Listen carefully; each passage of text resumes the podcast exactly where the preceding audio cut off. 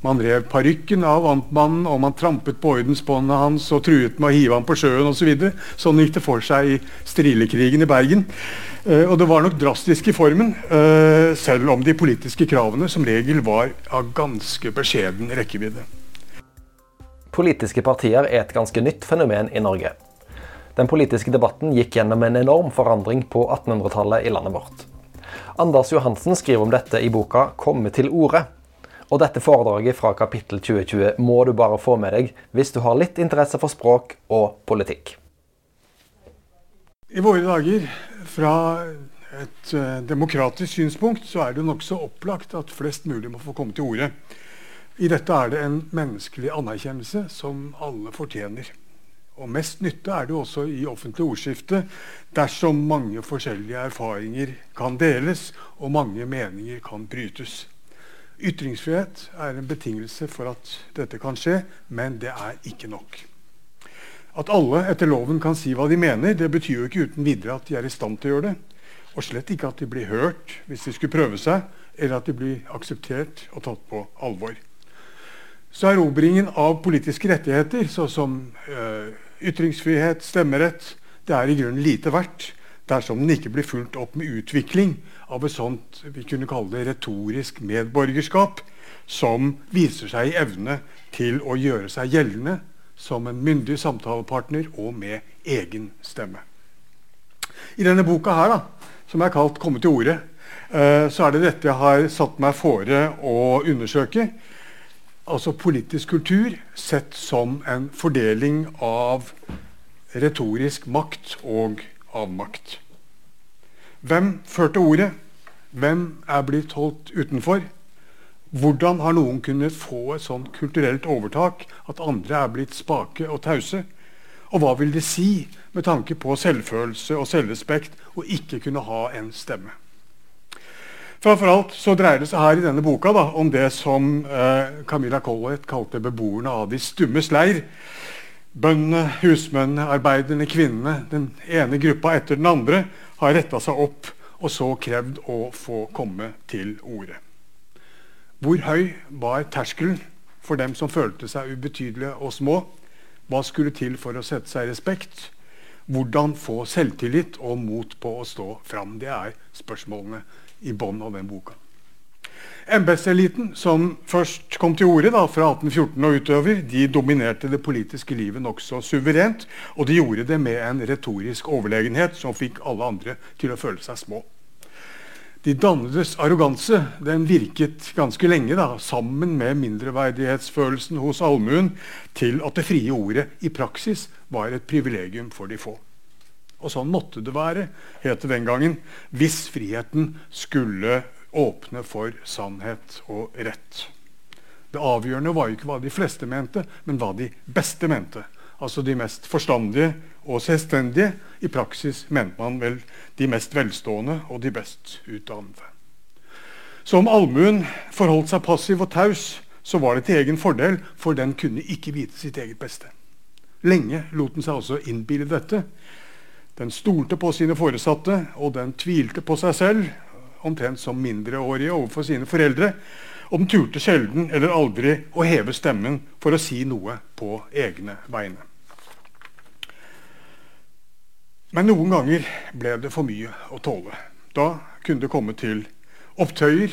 Noen ganger ble uretten så opprørende at det ikke gikk an å finne seg i det lenger. Trusselen nedenfra den endra karakter i løpet av det 19. århundre. Et mer eller mindre voldelig ordensproblem ble litt etter hvert omdanna til en mer eller mindre velformulert politisk utfordring.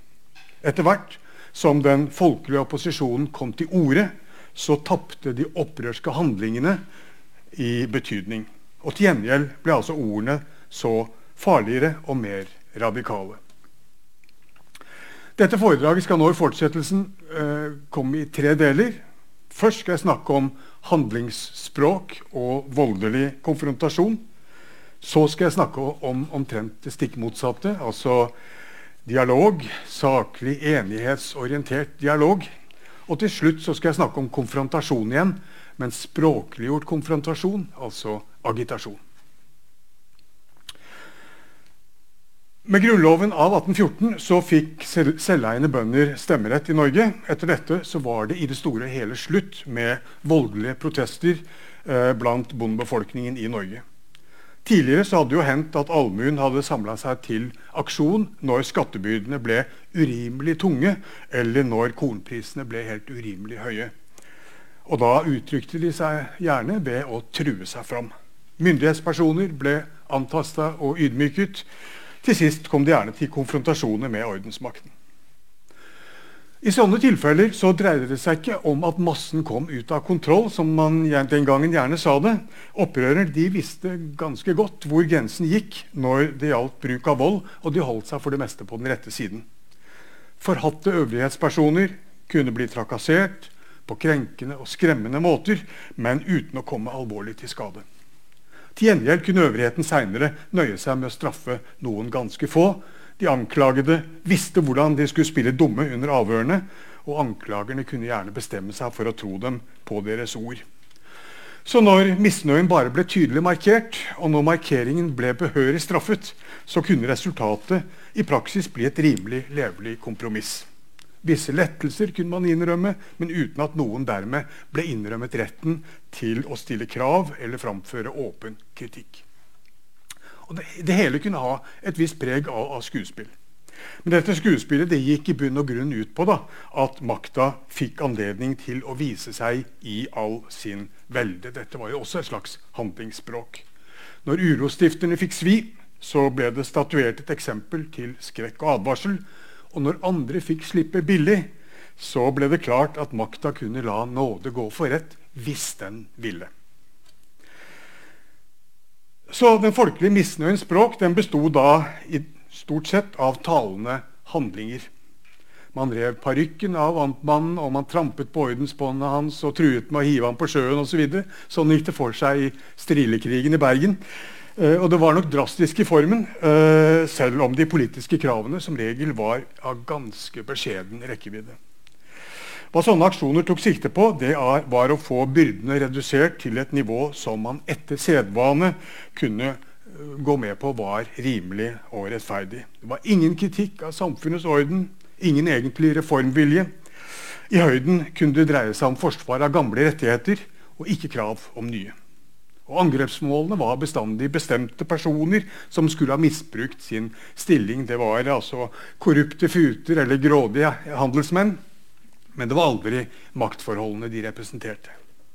Opptøyer av dette slaget det var enkeltstående lokale utbrudd de hadde ofte bakgrunn i en akutt nødsituasjon lokalt, men de hadde aldri sikte på noen slags varig organisering eller videre framgang. Og det var aldri noen som gjorde forsøk på å bruke rettsoppgjøret som talerstol for opprørske ideer.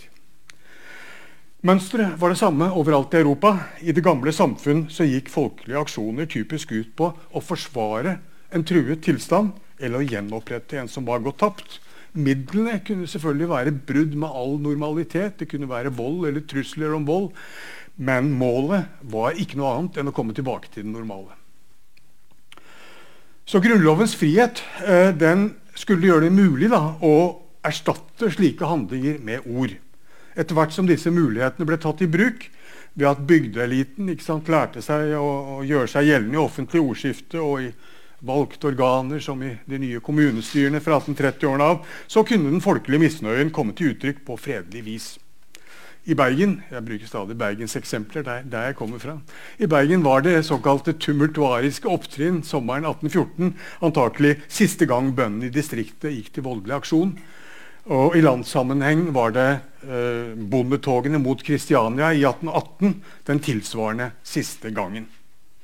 Så istedenfor brå og sporadiske vekslinger mellom underdanig lydighet på den ene siden og fysisk aggresjon på den andre siden, så fikk vi nå en mye åpnere og mer regulær kritikk som ble så å si bygget inn i systemet. Og På den måten fikk den politiske opposisjonen en helt annen kontinuitet. Det ble mulig også å knytte an til skriftkulturens ressurser og knytte an til den såkalt høyere politikk. Og På den måten oppsto det betingelser for en avgjørende utvidelse av det politiske forestillingsrommet. Med mye videre utsyn og med mye mer grunnleggende prinsipielle overveielser. Sånne fysiske håndgripeligheter det kan være en reaksjon på en tyngende her og nå-situasjon. Men ideer som blir bygd ut i skrift, de kan rekke langt inn i alternative framtidige tilstander. Så I samme vending som motstanden ble pasifisert, så økte mulighetene for ideologisk radikalisering. Etter at bondeopposisjonen slo gjennom ved stortingsvalgene i 1832, så kunne den ikke lenger oppfattes som et ordensproblem. Til gjengjeld så ble den fra nå av en mye farligere politisk utfordring i form av en stadig tydeligere reformativ kraft. Den samme type vendingen da, fra handlingsspråk til verbalspråk og fra reaksjon til, til reform, det skulle arbeidermotstanden komme til å gjennomgå 50 år seinere før den moderne arbeiderbevegelsen ble til med organiserte faglige og politiske kampmidler, så var opptøyer med slåsskamper og hærverk nær sagt det eneste mulige måten å gjøre seg tydelig forstått på. Dette er folk uten stemmerett. ikke sant? I Bergens historie igjen, så var altså potetkrigen som man kalte det, i 1868 det var første utbrudd av misnøye som byens egen allmuebefolkning sto bak. Før hadde håndverkere og, og, tjenestefolk for det meste vært tilskuere til bøndenes aksjoner når de kom til byen, men denne gangen var de selv i føringen.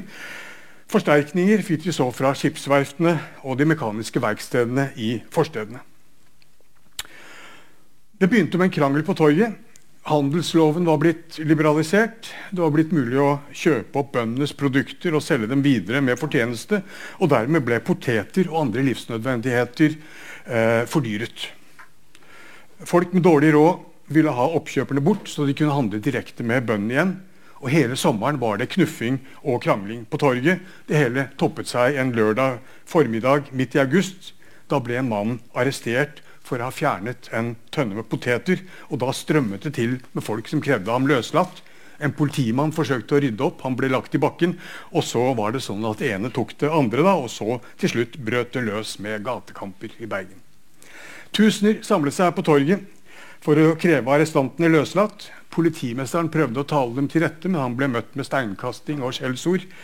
Demonstrantene prøvde å bryte seg gjennom rekkene med soldater, og de prøvde å ta fra dem geværene, men så ble de drevet tilbake med kolbeslag. Da det, kampene tok seg opp igjen, så ble det tillatelse til å skyte med skarpt.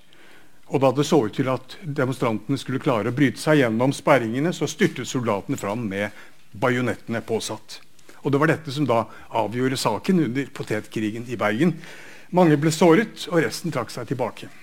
Utpå kvelden kom det til trefninger igjen da en liten hær hadde væpnet seg med stokk og staur fra markene utenfor byen, men de måtte gi tapt etter noen harde tak mot sabler og bajonetter. Og så, så var det over.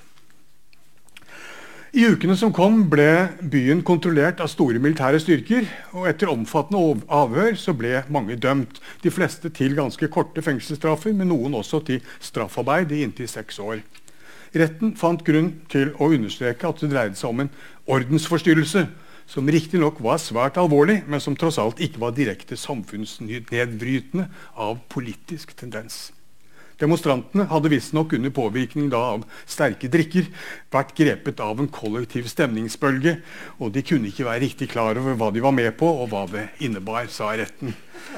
Opptøyene synes derfor ikke på noe punkt at havet antaget noen særdeles farlig karakter, hvor betenkelig og beklagelig de enn for øvrig må erkjennes at havet været.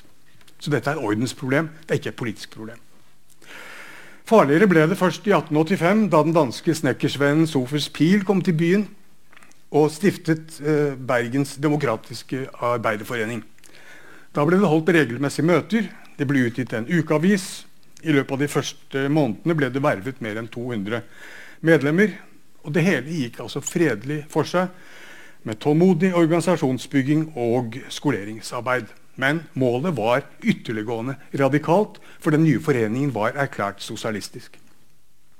I tilknytning til foreningen ble det i 85-86 dannet 14 fagforeninger med til sammen 1500 medlemmer. Og i mai 1886 så startet den første organiserte streiken i byens historie. Så klassemobiliseringen hadde, var ennå svak, den var uutvikla, men den hadde altså slått inn på en helt annen vei.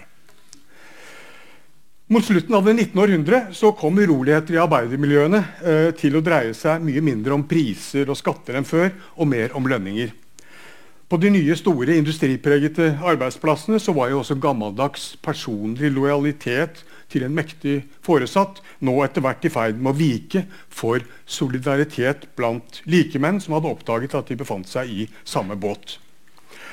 Tydeligere enn før så kom da forholdet mellom arbeid og kapital i dagen som en upersonlig interessekonflikt. Arbeiderne begynte å innse at de måtte opptre samlet hvis de skulle komme noen vei, men hvordan skulle de sette makt bak kravene? Streik var jo et effektivt våpen, men uten store oppsparte fond så var det ikke mulig å holde ut så lenge at kapitalen virkelig kom under press. Vellykt bruk av streikevåpenet forutsatte i grunnen en sterk fagbevegelse. Uten et sånt apparat hadde lønnskampen bare de gamle, primitive maktmidlene å sette inn. Før den moderne arbeiderbevegelsen ble til, så var arbeidsstans ofte en anledning til hærverk og trusler. Uh, den tidlige industrialderens maskinknusere som dere kanskje har hørt om, de var ikke egentlig motstandere av ny teknologi, men de var altså forhandlere uten fagforeningsmakt. Det å sabotere produksjonsutstyret eller å ramponere bedriftseierens hus og eiendom, eller å true med å gjøre det, det var i grunnen det eneste de kunne foreta seg for å tvinge fram en innrømmelse i en arbeidskonflikt. I hovedstaden var den såkalte Skibbykrigen i 1880 en av de siste større utbruddene av den slags uh, opprørstradisjon. Arbeiderne på teglverkene i byen hadde krevd lønnstillegg og flere av eierne hadde vært villige til å gi etter hvis bare alle ble med, men direktør Skibby hadde satt seg imot enhver innrømmelse. Og i møte med arbeiderne hadde han også vist seg ganske brysk og avvisende. Det var han som sto i veien, veien for arbeidernes krav, og reaksjonen rettet seg da mot han personlig. Så lenge paternalismen eh, hang igjen i arbeidslivet, så var alle forbindelser mellom eiere og ansatte av moralsk og personlig art. Eh, både underordning og motstand, både respekt og fiendskap. Så da streiken brøt ut, så lovet arbeiderne at Skibby skulle få bank. Inne på bedriftsområdet ble han omringet av en truende mengde, og han søkte så tilflukt oppe på loftet, over teilovnen, og han forsvarte den smale trappen opp dit med øks i hånd. Og Da ropte de at han var en hedning og en gris, og de skremte ham med stokker som ble stukket opp gjennom eh, gulvet, og med et regn av stein mot veggene fra alle kanter. Først da lensmannen kom til, ble han sluppet fri. Men hjemme var det heller ikke riktig trygt. Eh, der gikk demonstrantene grundig til verks. Marmorbordene i hagen ble smadret, og verandaen ble brukket i stykker. Snart fantes det ikke et helt vindu i hele huset. Eh, familien søkte tilflukt i andre etasje. og I første etasje ble speil og lamper knust osv. Aksjonen varte ikke lenge. Den førte ikke fram. Uten ressursene til en moderne fagorganisasjon så var en streik som denne dømt til å mislykkes, hvis det da ikke skulle være mulig å presse fram en øyeblikkelig avgjørelse. Så det dreide seg ikke om blind tat eller om vill ødeleggelsestrang, sånn som en forskrekket borgerlighet gjerne ville ha det til. Uh, I en sånn situasjon som dette så var hærverk og trusler om vold i grunnen eneste virksomme og egentlig rasjonelle kampmiddel. Så Den moderne arbeiderbevegelsen den var, altså uansett hvor militant den kan ha vært i, i, ord, altså hvor stor den var i kjeften Det var mye snakk om revolusjon, og sånt, eh, men den var i grunnen et middel til danning og disiplinering. Den tok fatt i et svært aggresjonspotensial og foredlet det til en plan og et håp. Og den samlet de mange forvirrete utbruddene og pekte ut en slags retning og mening. Hatet mot enkeltpersoner ble omdanna til kritikk av systemer og institusjoner. Møter og demonstrasjoner kom da i tillegg til, og etter hvert også istedenfor, trusler om uh. Og det var ingen mangel på skarp kritikk, ingen mangel på store drømmer.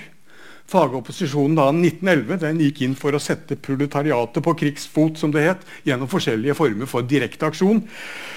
Men, eh, og Mannlige arbeidere fikk jo da stemmerett i 1898, men det var altså organisasjonenes vekst og deres nye styrke som gjorde at ordene trådte i virksomhet som forhandlingsutspill, som uh, agitasjonsappell, istedenfor disse voldelige handlingene. Det var ikke lenger nødvendig å ty til slike håndgripeligheter.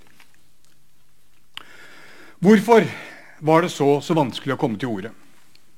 En viktig grunn var selve idealet om saklighet og fornuft som rådde grunnen ut gjennom det meste av århundret.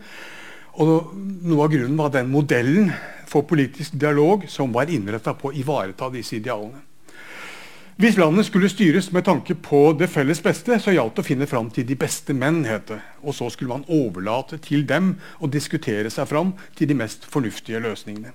Hva representantene så måtte mene om det ene eller det andre, det angikk i grunnen ikke velgerne. Det eneste som betydde noe, var at de hadde personlige egenskaper som satte dem i stand til å delta i saklig meningsutveksling uh, på en konstruktiv måte. Så den ideelle politiker det var en som satte seg grundig inn i sakene. En som gjorde seg opp sin egen mening, og som så tok sin beslutning uten å skjele til noen kant. Og så var i stand til å stå fast på denne beslutningen selv om det stormet rundt ham. Han var som en dommer, sa man. Han var åpen, fordomsfri, udogmatisk, men han var også uredd og ubestikkelig. Han var mottakelig for gode motargumenter, men lot seg ikke presse. Som dommer var han og det er selvfølgelig bare en han det er snakk om, eh, som dommer var han upartisk. Han var innstilt på å lytte til alle parter. Og framfor alt var han altså myndig, karakterfast og uavhengig. Dette var de politiske kriteriene for valg av personer til Stortinget og andre sammenhenger. Dette idealet det tilhørte en kultur da, som satte sin lit til fornuften. Det var for at den politiske prosessen skulle føre til mest mulig fornuftige beslutninger. At deltakerne måtte være i stand til liksom å fristille seg fra alle slags bindinger og uh, avhengigheter. En sånn, altså hvis en sånn person var innstilt på å lytte, hvis de var innstilt på å lytte til hverandre, det gikk man iallfall ut fra. Og hvis ingen låste seg i utgangspunktet, men hvis alle sto fritt til å bedømme argumentene på selvstendig og rent fornuftig grunnlag. Og hvis ingen var ute etter å mele sin egen kake, men bare tenkte på det som var den beste løsning for alle, ja, da tenkte man da ville til sist da ville man kunne bli enige ved at de beste argumentene seiret. Man rådslår, man veier for og mot, og så lar man den mest forstandige få rett. Dette er modellen for politiske beslutninger i det meste på 1800-tallet. Og Så lenge dette idealet var forpliktende, og levende, så var det klart at den politiske prosessen den kunne bare uh, omfatte noen ganske få. Det var ikke alle som var kvalifisert til å delta i sånn rådslagning. Adgang til den offentlige ordskiftet det var i praksis reservert for embetseliten og en del velstående eiendomsmenn. For materielt sett så var det bare disse som sto så trygt på egne bein at de kunne tillate seg å tenke selv og tale fritt. Alle andre var avhengige var avhengig av sine foresatte. Altså Arbeideren var avhengig av bruksherren, husmannen var avhengig av bonden, tjeneren av herskapet, kona var avhengig av sin ektemann. På den måten at de ikke kunne forventes å gjøre seg opp en egen mening. De kunne tvinges, trues og kjøpes. Iallfall kunne man ikke regne med at de skulle risikere særlig mye ved å stå imot og, og stå på sitt. De manglet rett og slett sånn selvstendighet som beror på eierskap til gård og grunn og kontroll over egen inntekt og arbeidssituasjon. Derfor kunne man ikke ta dem alvorlig når de sa noe. Derfor kunne de ikke regnes som politisk myndige. Sånn sto det for riksforsamlingen i 1814. Eh, allmenn stemmerett kom selvfølgelig ikke på tale. Stemmeretten ble reservert for embetsmenn, selveiende bønder, handels- og håndverksborgere osv. Men husmenn, lønnsarbeidere, sjømenn, skolelærere, funksjonærer, tjenestefolk, alle andre som økonomisk sett ikke var sine egne herrer, og ingen kvinner selvfølgelig, alle disse måtte holdes utenfor. Og På en måte var det en slags solid realisme da, i dette synspunktet, syns jeg. Altså, økonomisk uavhengighet gjorde det praktisk mulig å tale fritt og gå sine egne veier. Men saken kan jo også ses fra en annen side istedenfor å utelukke det avhengige flertallet, så kan man satse på å kvalifisere dem til politisk deltakelse ved å motvirke de økonomiske avhengighetsforholdene. Eller kompensere for disse avhengighetsforholdene. Så når det 20. århundres eh, sosialdemokrati tok sikte på å bygge opp vanlige arbeidsfolk til myndige politiske aktører, så var det jo ikke minst på denne måten. da. Nettopp ved å sikre trygge levekår og vern mot vilkårlig behandling fra eiere og overordnede. Hva eiendomsretten var for borgerskapet, det kom etter hvert organisasjonsretten, forhandlingsretten til å bli for arbeiderklassen, oppsigelsesvernet, ledighetstrygden og alle disse sikringene. Det var organisasjonenes styrke som garanterte at ingen skulle bli nødt til å stå med lua i handa, som det het.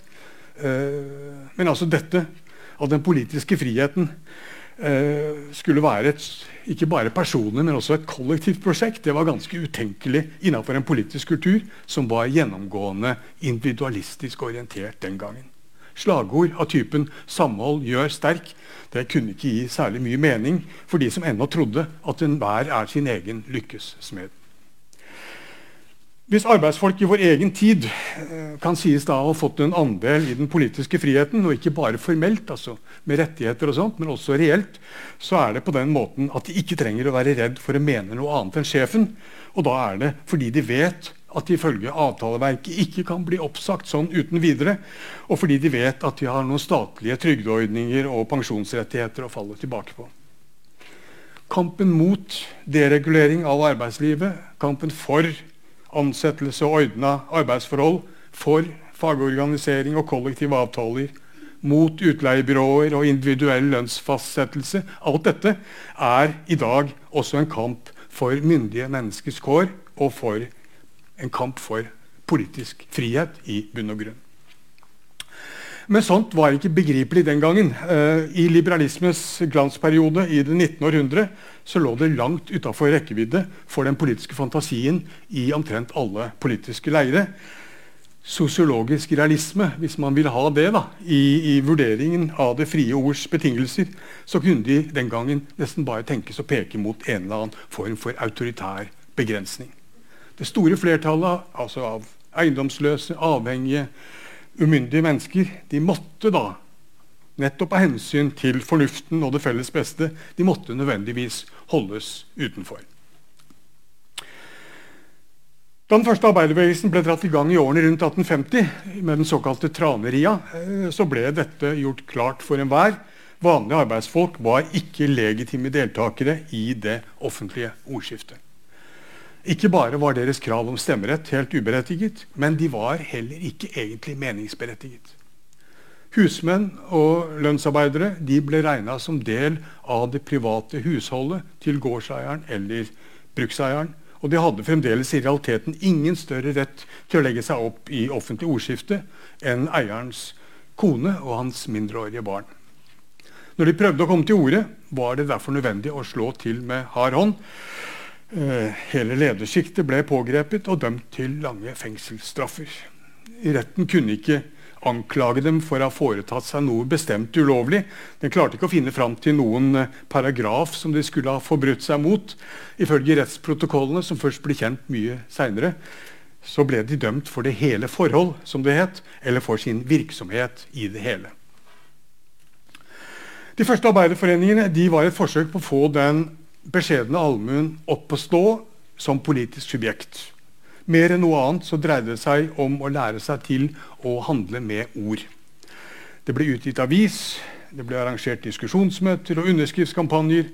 Det ble holdt kurs i skrive- og taleteknikk, det ble stifta sangkor, teatergrupper. Trane ble aldri lei av å mase på folk, måtte slutte å, å, å kaste stein og, og mobbe sine foresatte. Det var ikke den veien vi skulle gå.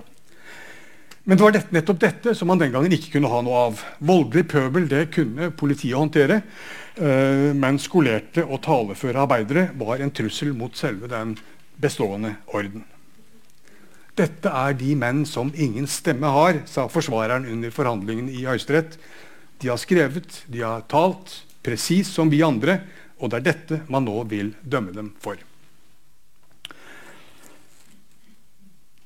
Meningsmonopolet da, til de velstående det grunna seg på en politisk moral som framfor alt bekymret seg om individets integritet. Til Stortinget sendte man altså ikke representanter for programmer eller ideologier, men man sendte aktverdige og forstandige enkeltpersoner.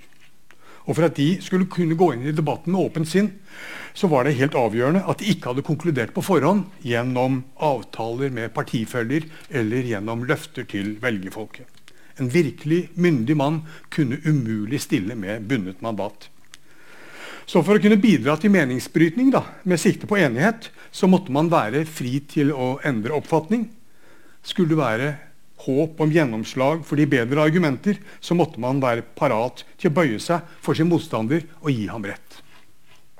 Dette idealet gjorde det lenge nesten helt umulig å få organisert en politisk opposisjon. Den som tilhører et parti, er jo ikke fri til å fatte selvstendige beslutninger. Så partiorganisering det var helt uhørt i denne politiske kulturen. Det var, Selve ideen var skandaløs. Hver gang noe sånt kom på tale, så ble det spetakkel, og initiativtakerne trakk seg forskremt tilbake. Morgenbladet slo fast at det ikke sømmet seg for landets kårne menn å la seg drive som en saueflokk frem i tingsalen, å bøye seg for partiets flertall og se seg nødt til å stemme mot sin egen overbevisning, det var en skam, selvfølgelig. Men hovedproblemet var i grunnen at man på den måten kom i Stortinget med ferdig oppgjorte meninger.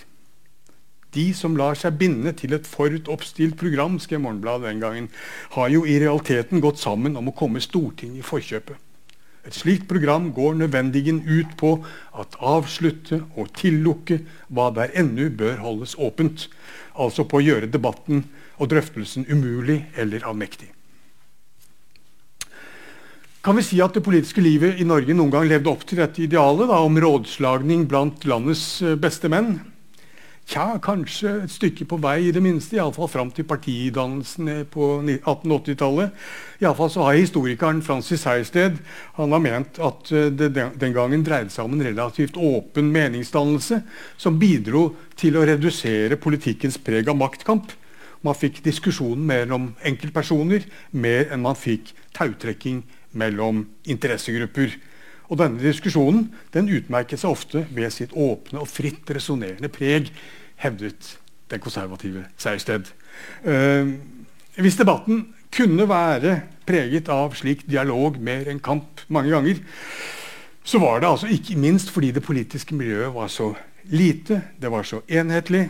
Deltakerne kom fra mer eller mindre samme klasse og sjikt. Det var ikke så mange grunnleggende interessemotsetninger mellom dem. Derfor kunne debatten faktisk arte seg som rådslagning mange ganger. Og talene i Stortinget kunne bety noe til og fra der og da. De kunne flytte stemmer, de kunne overbevise motstandere.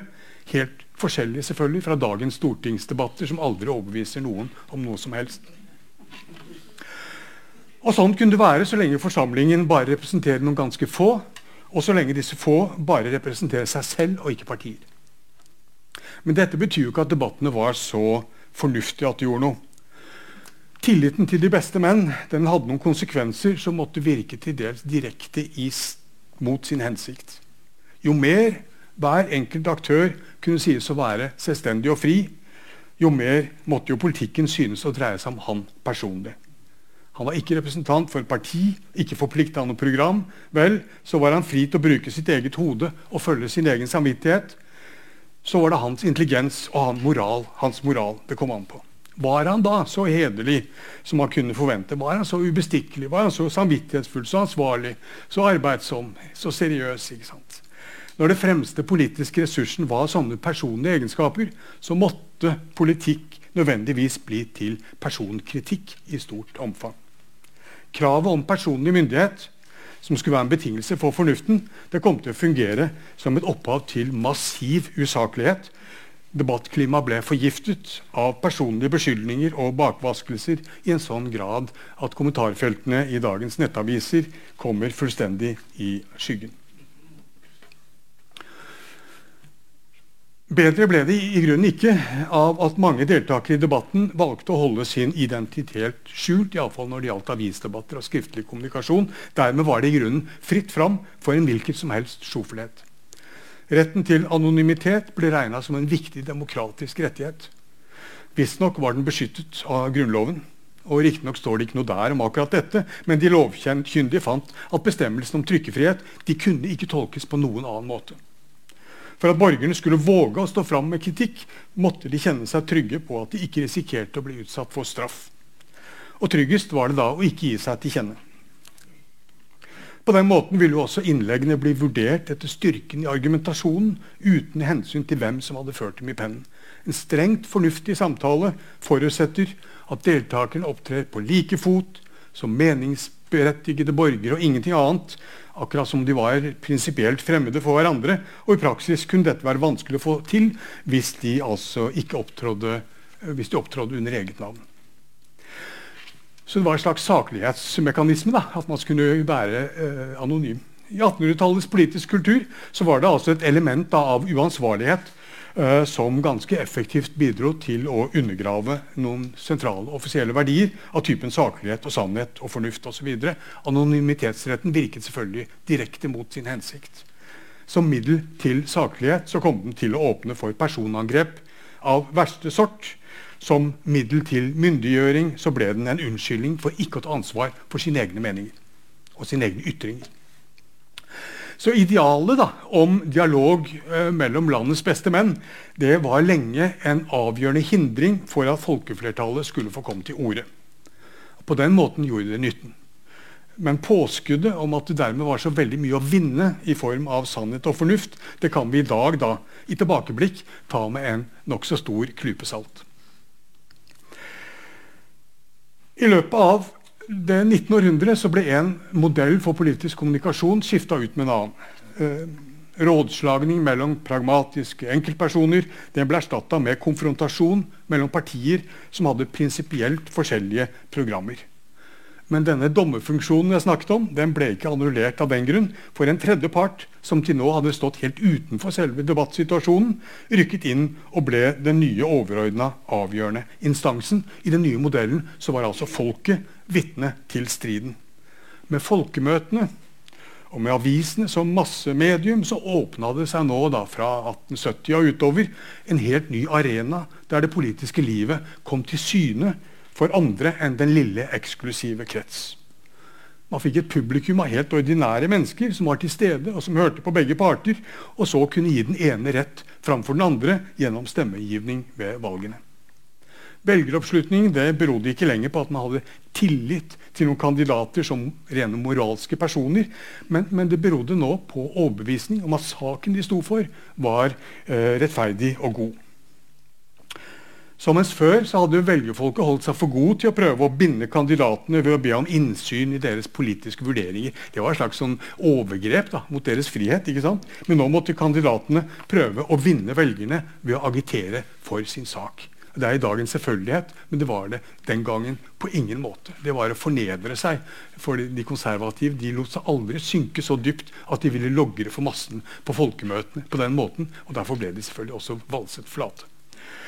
Men det eh, meste før da var et ideal da, at, at, debatten mellom folkets representanter skulle finne sted med hver av deltakerne som en upartisk dommer til argumentene de fikk høre, så var tanken fra nå av at debatten mellom partiske representanter skulle utspille seg overfor sivilsamfunnet i full åpenhet og med altså velgerfolket som dommer. Og Da kunne det komme opp ganske uforsonlige interessekonflikter. Interessekonfliktene ble ikke holdt utenfor systemet, de ble da kanalisert inn i systemet. Uh, og Likevel var det i denne modellen også ganske mange momenter av fornuftig rådslagning, vil jeg tro. Grundige forberedelser i partiorganisasjonene. Uh, det kunne gi betingelser for veloverveide ytringer som kanskje kunne mangle ellers, når representantene måtte orientere seg helt på egen hånd i uoversiktlige debattsituasjoner og kanskje ta stilling til nye innspill mer eller mindre på sparket. Det store publikum lot seg vel bevege av både saklige og usaklige hensyn, men de kunne jo også samrå seg på sitt eget hold, eh, i foreningene, på arbeidsplassene og i nabolagene, før de omsider gjorde seg opp en mening. Så ordskiftet det tok ikke åpen form av rådslagning. det er så. Men hele prosessen da, med offentlig meningsdannelse det inneholdt allikevel så mange innslag av kritisk prøving og reflektert avveining at jeg tror nok den ivaretok noen grunnleggende rådslagningsfunksjoner som regel. Når alt kom til alt, så var det kanskje ikke mindre fornuft i åpne partikamper enn i forvaltningen av enighet innenfor den lille krets av de beste menn. Men for de som fremdeles da var, tenkte politisk kommunikasjon gjennom den gamle modellen, så var alt dette alt annet enn opplagt. Fra det synspunktet så vil enhver tendens til å svekke de gamle idealene om forpliktende dialog til fordel for kampscener framfor et publikum, det måtte oppfattes som et skremmende forfall. Dette skiftet av modell for politisk kommunikasjon det var en treg og konfliktfylt prosess. Det dro ut i mer enn 30 år. Og i disse årene sto det strid om nesten hvert eneste moment i modellen. Ikke bare om taleren og hans uavhengighet, og ikke bare om partigruppen og dens ferdiglagde meninger, men det sto også strid om henvendelsens form. Skulle den være konfronterende eller enighetsorientert? Det sto om appellen til publikum, enten til lidenskapene eller til fornuften. Det sto om selve debattstillingen. Skulle man debattere med hverandre eller framfor et massepublikum? Og endelig sto det også strid om mottakerne. Var de uavhengige likemenn som en selv, landets beste menn, eller var de uansvarlig mengde eller masse som han skulle henvende seg til? Alt dette var kontroversielt gjennom mange år. Og disse stridighetene de toppet seg med den store forfatningskampen tidlig på 1880-tallet, da venstrebevegelsen tok det avgjørende oppgjøret med kongemakten og det byråkratiske formynderiet. Denne kampen var voldsom, den var bitter og uforsonlig. Forholdet mellom partene var preget av mistillit og fiendskap. Eh, det ble en farlig krise etter hvert. Den gled over. Våpnene ble klargjort, men de ble ikke brukt. Kongen og hans rådgivere planla statskupp. Venstrebevegelsen oppretta skytterlag. I realiteten var det en slags parlamentsmilits. Situasjonen var spent, stemningen nervøs, men begge parter besinnet seg i siste liten. Ingen gjorde noe overilt. Hva var det da som bar gjennom denne krisen? Altså Den politiske og kulturelle striden den hadde gjennom årene virket på den måten at den forandret offentligheten der den fant sted. Det ble bygd opp et organisasjonsliv for mange slags folkelige bevegelser. Det var bondevennforeninger, arbeidersamfunn, mållag, frilynte ungdomslag, avholds- og opplysningsforbund av mange slag. Og dette organisasjonslivet var også en skole i demokrati. For her gjaldt i det store hele samme prinsipper som kom til å gjelde i statslivet seinere. Medlemmene styrte seg selv, de ga sine egne lover, de valgte sine egne formenn og sitt eget styre. Alle hadde stemmerett. Alle hadde samme rett til å be om ordet. Og Demokratisk sett så var altså disse frivillige organisasjonene mønstergyldige. Gjennom deltakelse her fikk tusenvis av vanlige mennesker andel i moderne demokratisk kultur før dette slår hjem gjennom i staten. Som ikke demokratiet på statsplan det er kanskje ikke en sånn eh, det vokste ikke direkte fram av sivilsamfunnets demokrati. Det var ikke sånn det gikk for seg. Men allikevel tror jeg vi kan mene at det fant noen avgjørende betingelser her for konsolidering i kritiske faser. Altså I motstand mot nazifiseringen, eh, som Buller har understreket, da, så var disse organisasjonene demokratisk eh, basis som ikke så lett lot seg rokke. På samme måte i krisa i 1884, 83, 84. Uh, skal vi se Ja. De frivillige organisasjonene var med på å innarbeide noen demokratiske holdninger som uh, På den ene siden så var de nok kampmidler. ikke sant? Det at kampen spissa seg til, det førte til at disse organisasjonene vokste, og det ble flere av dem. Og dermed ble læringsarenaer for fredelig konflikt og håndtering det ble spredt rundt i samfunnet nær sagt overalt. Mobilisering av kampkraft det var altså sivilisering med det samme. Og til denne prosessen så hørte det også utvikling av en ny slags folkelig retorisk kultur. Organisasjonslivet ga opphav til møtevirksomhet preget av kamp med ord. For vanlige mennesker ga de oppdragelse til bruk av ordet i offentlig sammenheng. De som før var blitt holdt utenfor, de vant en selvtillit her. De utvikla noen språklige ferdigheter som satte dem i stand til å opptre med egen stemme. Så når opposisjonsbevegelsene virka på den måten at de splitta og polariserte det politiske livet, så virket de altså på samme eh, tid til å styrke sivilsamfunnet og til å styrke den allmenne retoriske kulturen. Dette tror jeg er en viktig grunn til at det hele kunne gå for seg i rimelig fredelige former. Sånn ble det skapt betingelser for at dette konfliktstoffet kunne tas ut gjennom verbal aggresjon, eh, ikke voldelig. Og På den måten ble ordene virksomme som et bedre alternativ til våpnenes tale. I ettertid kan vi vel undre oss over at ikke samfunnet ble revet i stykker. Men med tiden og tvers gjennom de skarpe motsetningene så virket det som det snarere kom til å henge bedre i hop. Hvordan kunne det ha seg?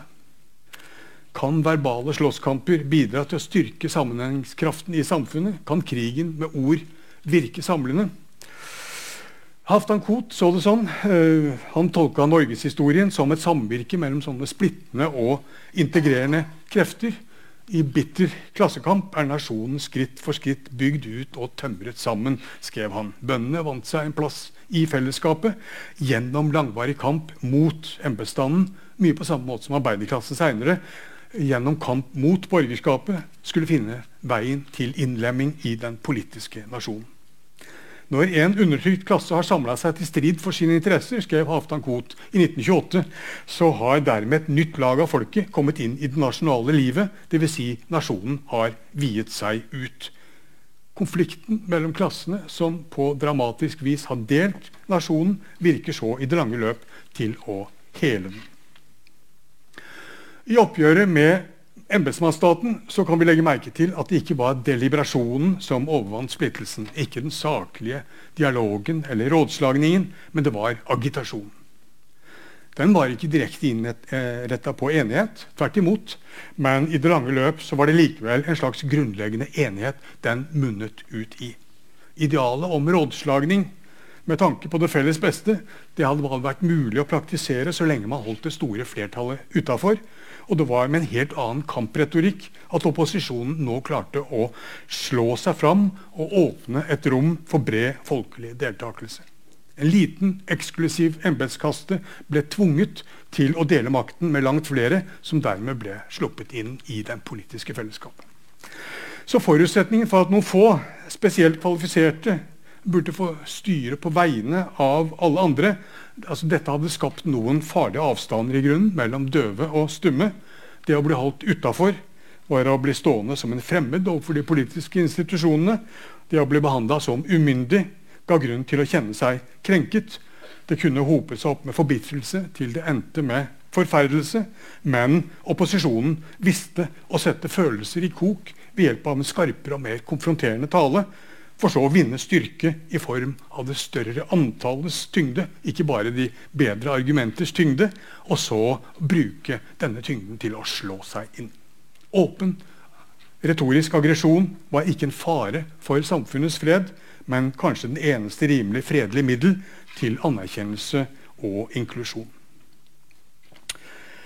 Med disse kampene i 1880-årene så ble grensene for den lille politiske offentlighetens rom eh, det ble sprengt ut. Politikken inntok nye arenaer, den nådde ut til nye grupper, utvikla nye former.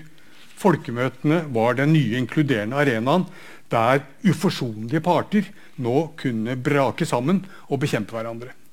Det gjaldt ikke lenger da å resonnere med en motpart som man kunne komme til enighet med, men det gjaldt å vinne tilslutning fra forsamlingen for å smadre motstanderen. Og da måtte man kunne rive med seg store folkemengder. Det krevde et nytt og mer hardtslående språk. Enkelt, emosjonelt, med korte, muntlige setninger.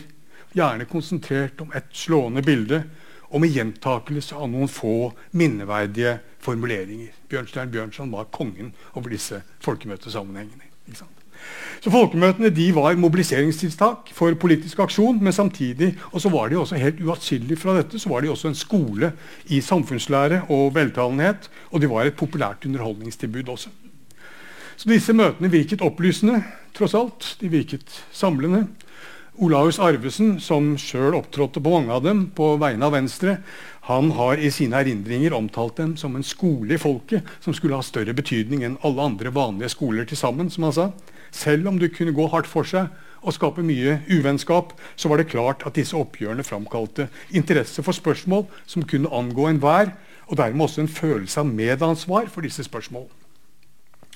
Nettopp ved å engasjere seg i striden var det at hver og en, både høy og lav, nå kunne føle seg meddelaktig, som Arvesen sier det, i de sakene som det sto strid om, i det det for alle sammen sto om det felles fedrelands ve og vel. Så Over tid kom disse verbale gladiatorkampene til å gi et bidrag av største betydning til produksjonen av sosial samfølelse. Det er, skrev Arvesen, knapt noe i folkets liv og historie som har maktet sterkere å innarbeide begrepet 'felles fedreland' i folkets uh, i alle sinn enn disse møtene med opprivende sammenstøt om saker av felles interesse. For gjennom dem ble bitre motstandere brakt sammen til en strid der de alle, som de alle kunne oppleve som sin egen. Forekomsten av åpen konflikt det kan man ta som et mål på stabiliteten i de sosiale forbindelsene, hevdet sosiologen Georg Simmel en gang i 1908. En viss mengde uoverensstemmelser og indre spenning og åpen kontrovers det er nøye forbundet med selve de elementer som i siste omgang holder gruppen samlet. Hvis den ikke stadig var truet av hiv og strid, så ville enheten ikke vært mulig. Og Kjernen i poenget til Simmel det er dette at uh, når man går løs på motstander, så involverer man seg tross alt. Kanskje har partene før ikke hatt noe særlig med hverandre å gjøre. Nå blir det oppretta en forbindelse. Det kan være at de lærer å avsky hverandre, men så er de iallfall ikke lenger likegyldige overfor hverandre. Hvis de skjeller hverandre ut, så uh, har de i alle fall kontakt. Konflikten bringer dem sammen, og når de utkjemper denne kritikken, denne konflikten så utvider de og så intensiverer de sin deltakelse i samfunnets liv. Vel, Hva slags samfunn er det da som henger best sammen? Det er de som er fulle av forskjeller og avstander og motsetninger. Sosiologen uh, Louis Coser utvikla seinere dette poenget i forlengelsen av Simmels tanker. Nettopp åpne, pluralistiske samfunn de blir sydd sammen av en lang rekke forskjellige konflikter, hvor grupper Eh, der medlemmene bare kjenner seg delvis eh, berørt. Eh, på den måten at jo flere konflikter, desto bedre. Ikke bare fordi de virker integrerende, i og for seg, men fordi de også så å si utligner hverandre. Samfunnet blir sydd i hop ved at mange konflikter krysses. Sånn var det Stein Rokkan tolket norgeshistorien. Statsviteren Stein Rokkan. Eh, når vi hadde en, en, grunnleggende stabilitet i det politiske livet tvers gjennom mange opprivende kampsituasjoner, så var det nettopp fordi de kulturelle motsetningene mellom by og land, som gikk på språk og religion og moral osv., hadde lagt seg på tvers av de økonomiske klassemotsetningene, først og fremst mellom arbeid og kapital. Eh, og denne veven av motsetninger hadde gitt opphav til skiftende allianser, skiftende opposisjonsmønstre, Systemet ble ikke revet i stykker mellom to ytterpunkter, skrev Rokkan, men det bevarte likevekten ved at et stort antall konfliktlinjer utlignet hverandre. Vel, Folkemøtene de brakte sammen mennesker som før ikke hadde hatt noe særlig med hverandre å gjøre. Her kunne man altså gjøre seg noen nokså nyanserte erfaringer med folk som ellers for det meste var kjent på avstand gjennom omtale som mer eller mindre karikerte typer. Da, og kanskje få øye på en slags felles menneskelighet eh, etter en stund. Her kunne gamle fiender begynne å ta ut konfliktene seg imellom innafor et overordnet politisk fellesskap som de i samme vending bygde ut.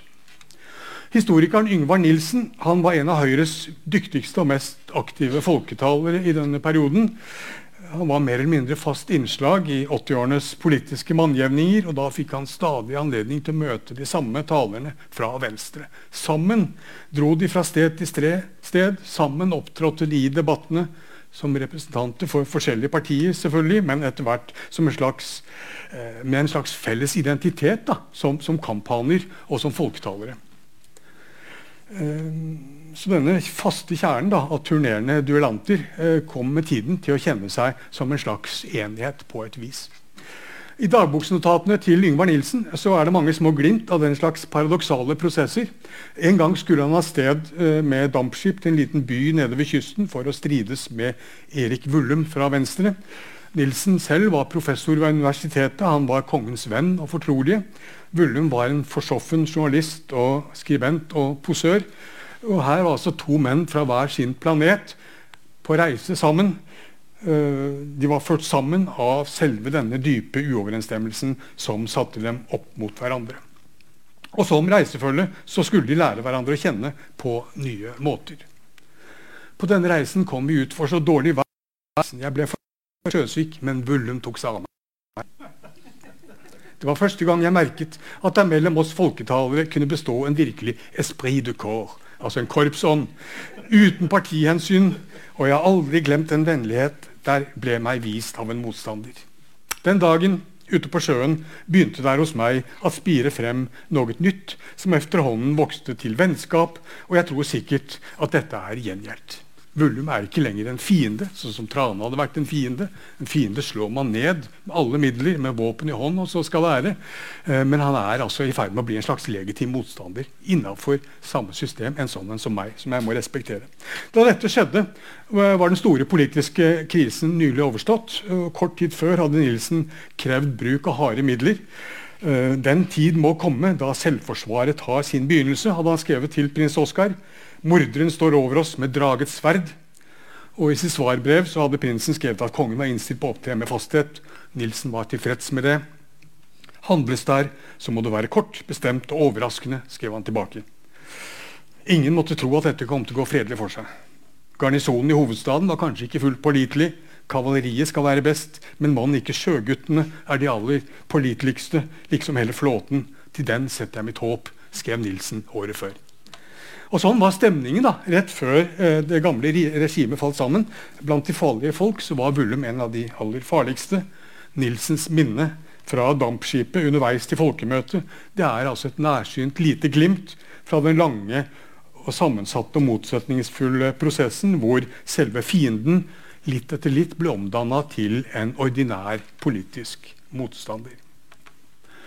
I den grad folkemøtene kan sies å ha gitt opphav til en moderne demokratisk motstanderoppfatning, så var det altså på denne måten ved at folketalere fra høyre og venstre kjempa om overtak på de samme arenaer over de samme spørsmål. Ofte hendte det at de reiste sammen, de ble innkvartert sammen, de spiste sammen. Om kveldene og mellom slagene var det festmiddag, og da var alle forplikta til å underholde med morsomme skåltaler. Under selve møtene kunne det også hende at de veksla megetsigende blikk når en eller annen lokal begavelse hadde ordet, som en markering da, av et fellesskap på tvers av uenighet innafor den nasjonale politiske eliten. Det kunne være opprivende, men det utspilte seg da tross alt i en situasjon hvor man kom hverandre inn på livet. Den politiske konfrontasjonen var også et menneskelig møte, og dette møtet oppsto det nye tillitsforhold og ofte gjensidig respekt. Han kan tale, iallfall. Uh, uenigheten kunne være like dyp som før, like uforsonlig, men fra nå av utspilte den seg altså mellom parter som nølende begynte å anerkjenne hverandre som legitime politiske motstandere. Den andre var nå ikke en dialogpartner som man kunne rådføre seg med i all gemyttlighet, men han var heller ikke en fiende som skulle utryddes eller jages bort, om nødvendig med voldelige midler, altså, som i en krig men den andre var en medborger med aldeles feilaktige oppfatninger som måtte bekjempes med alle mulige tilgjengelige retoriske midler.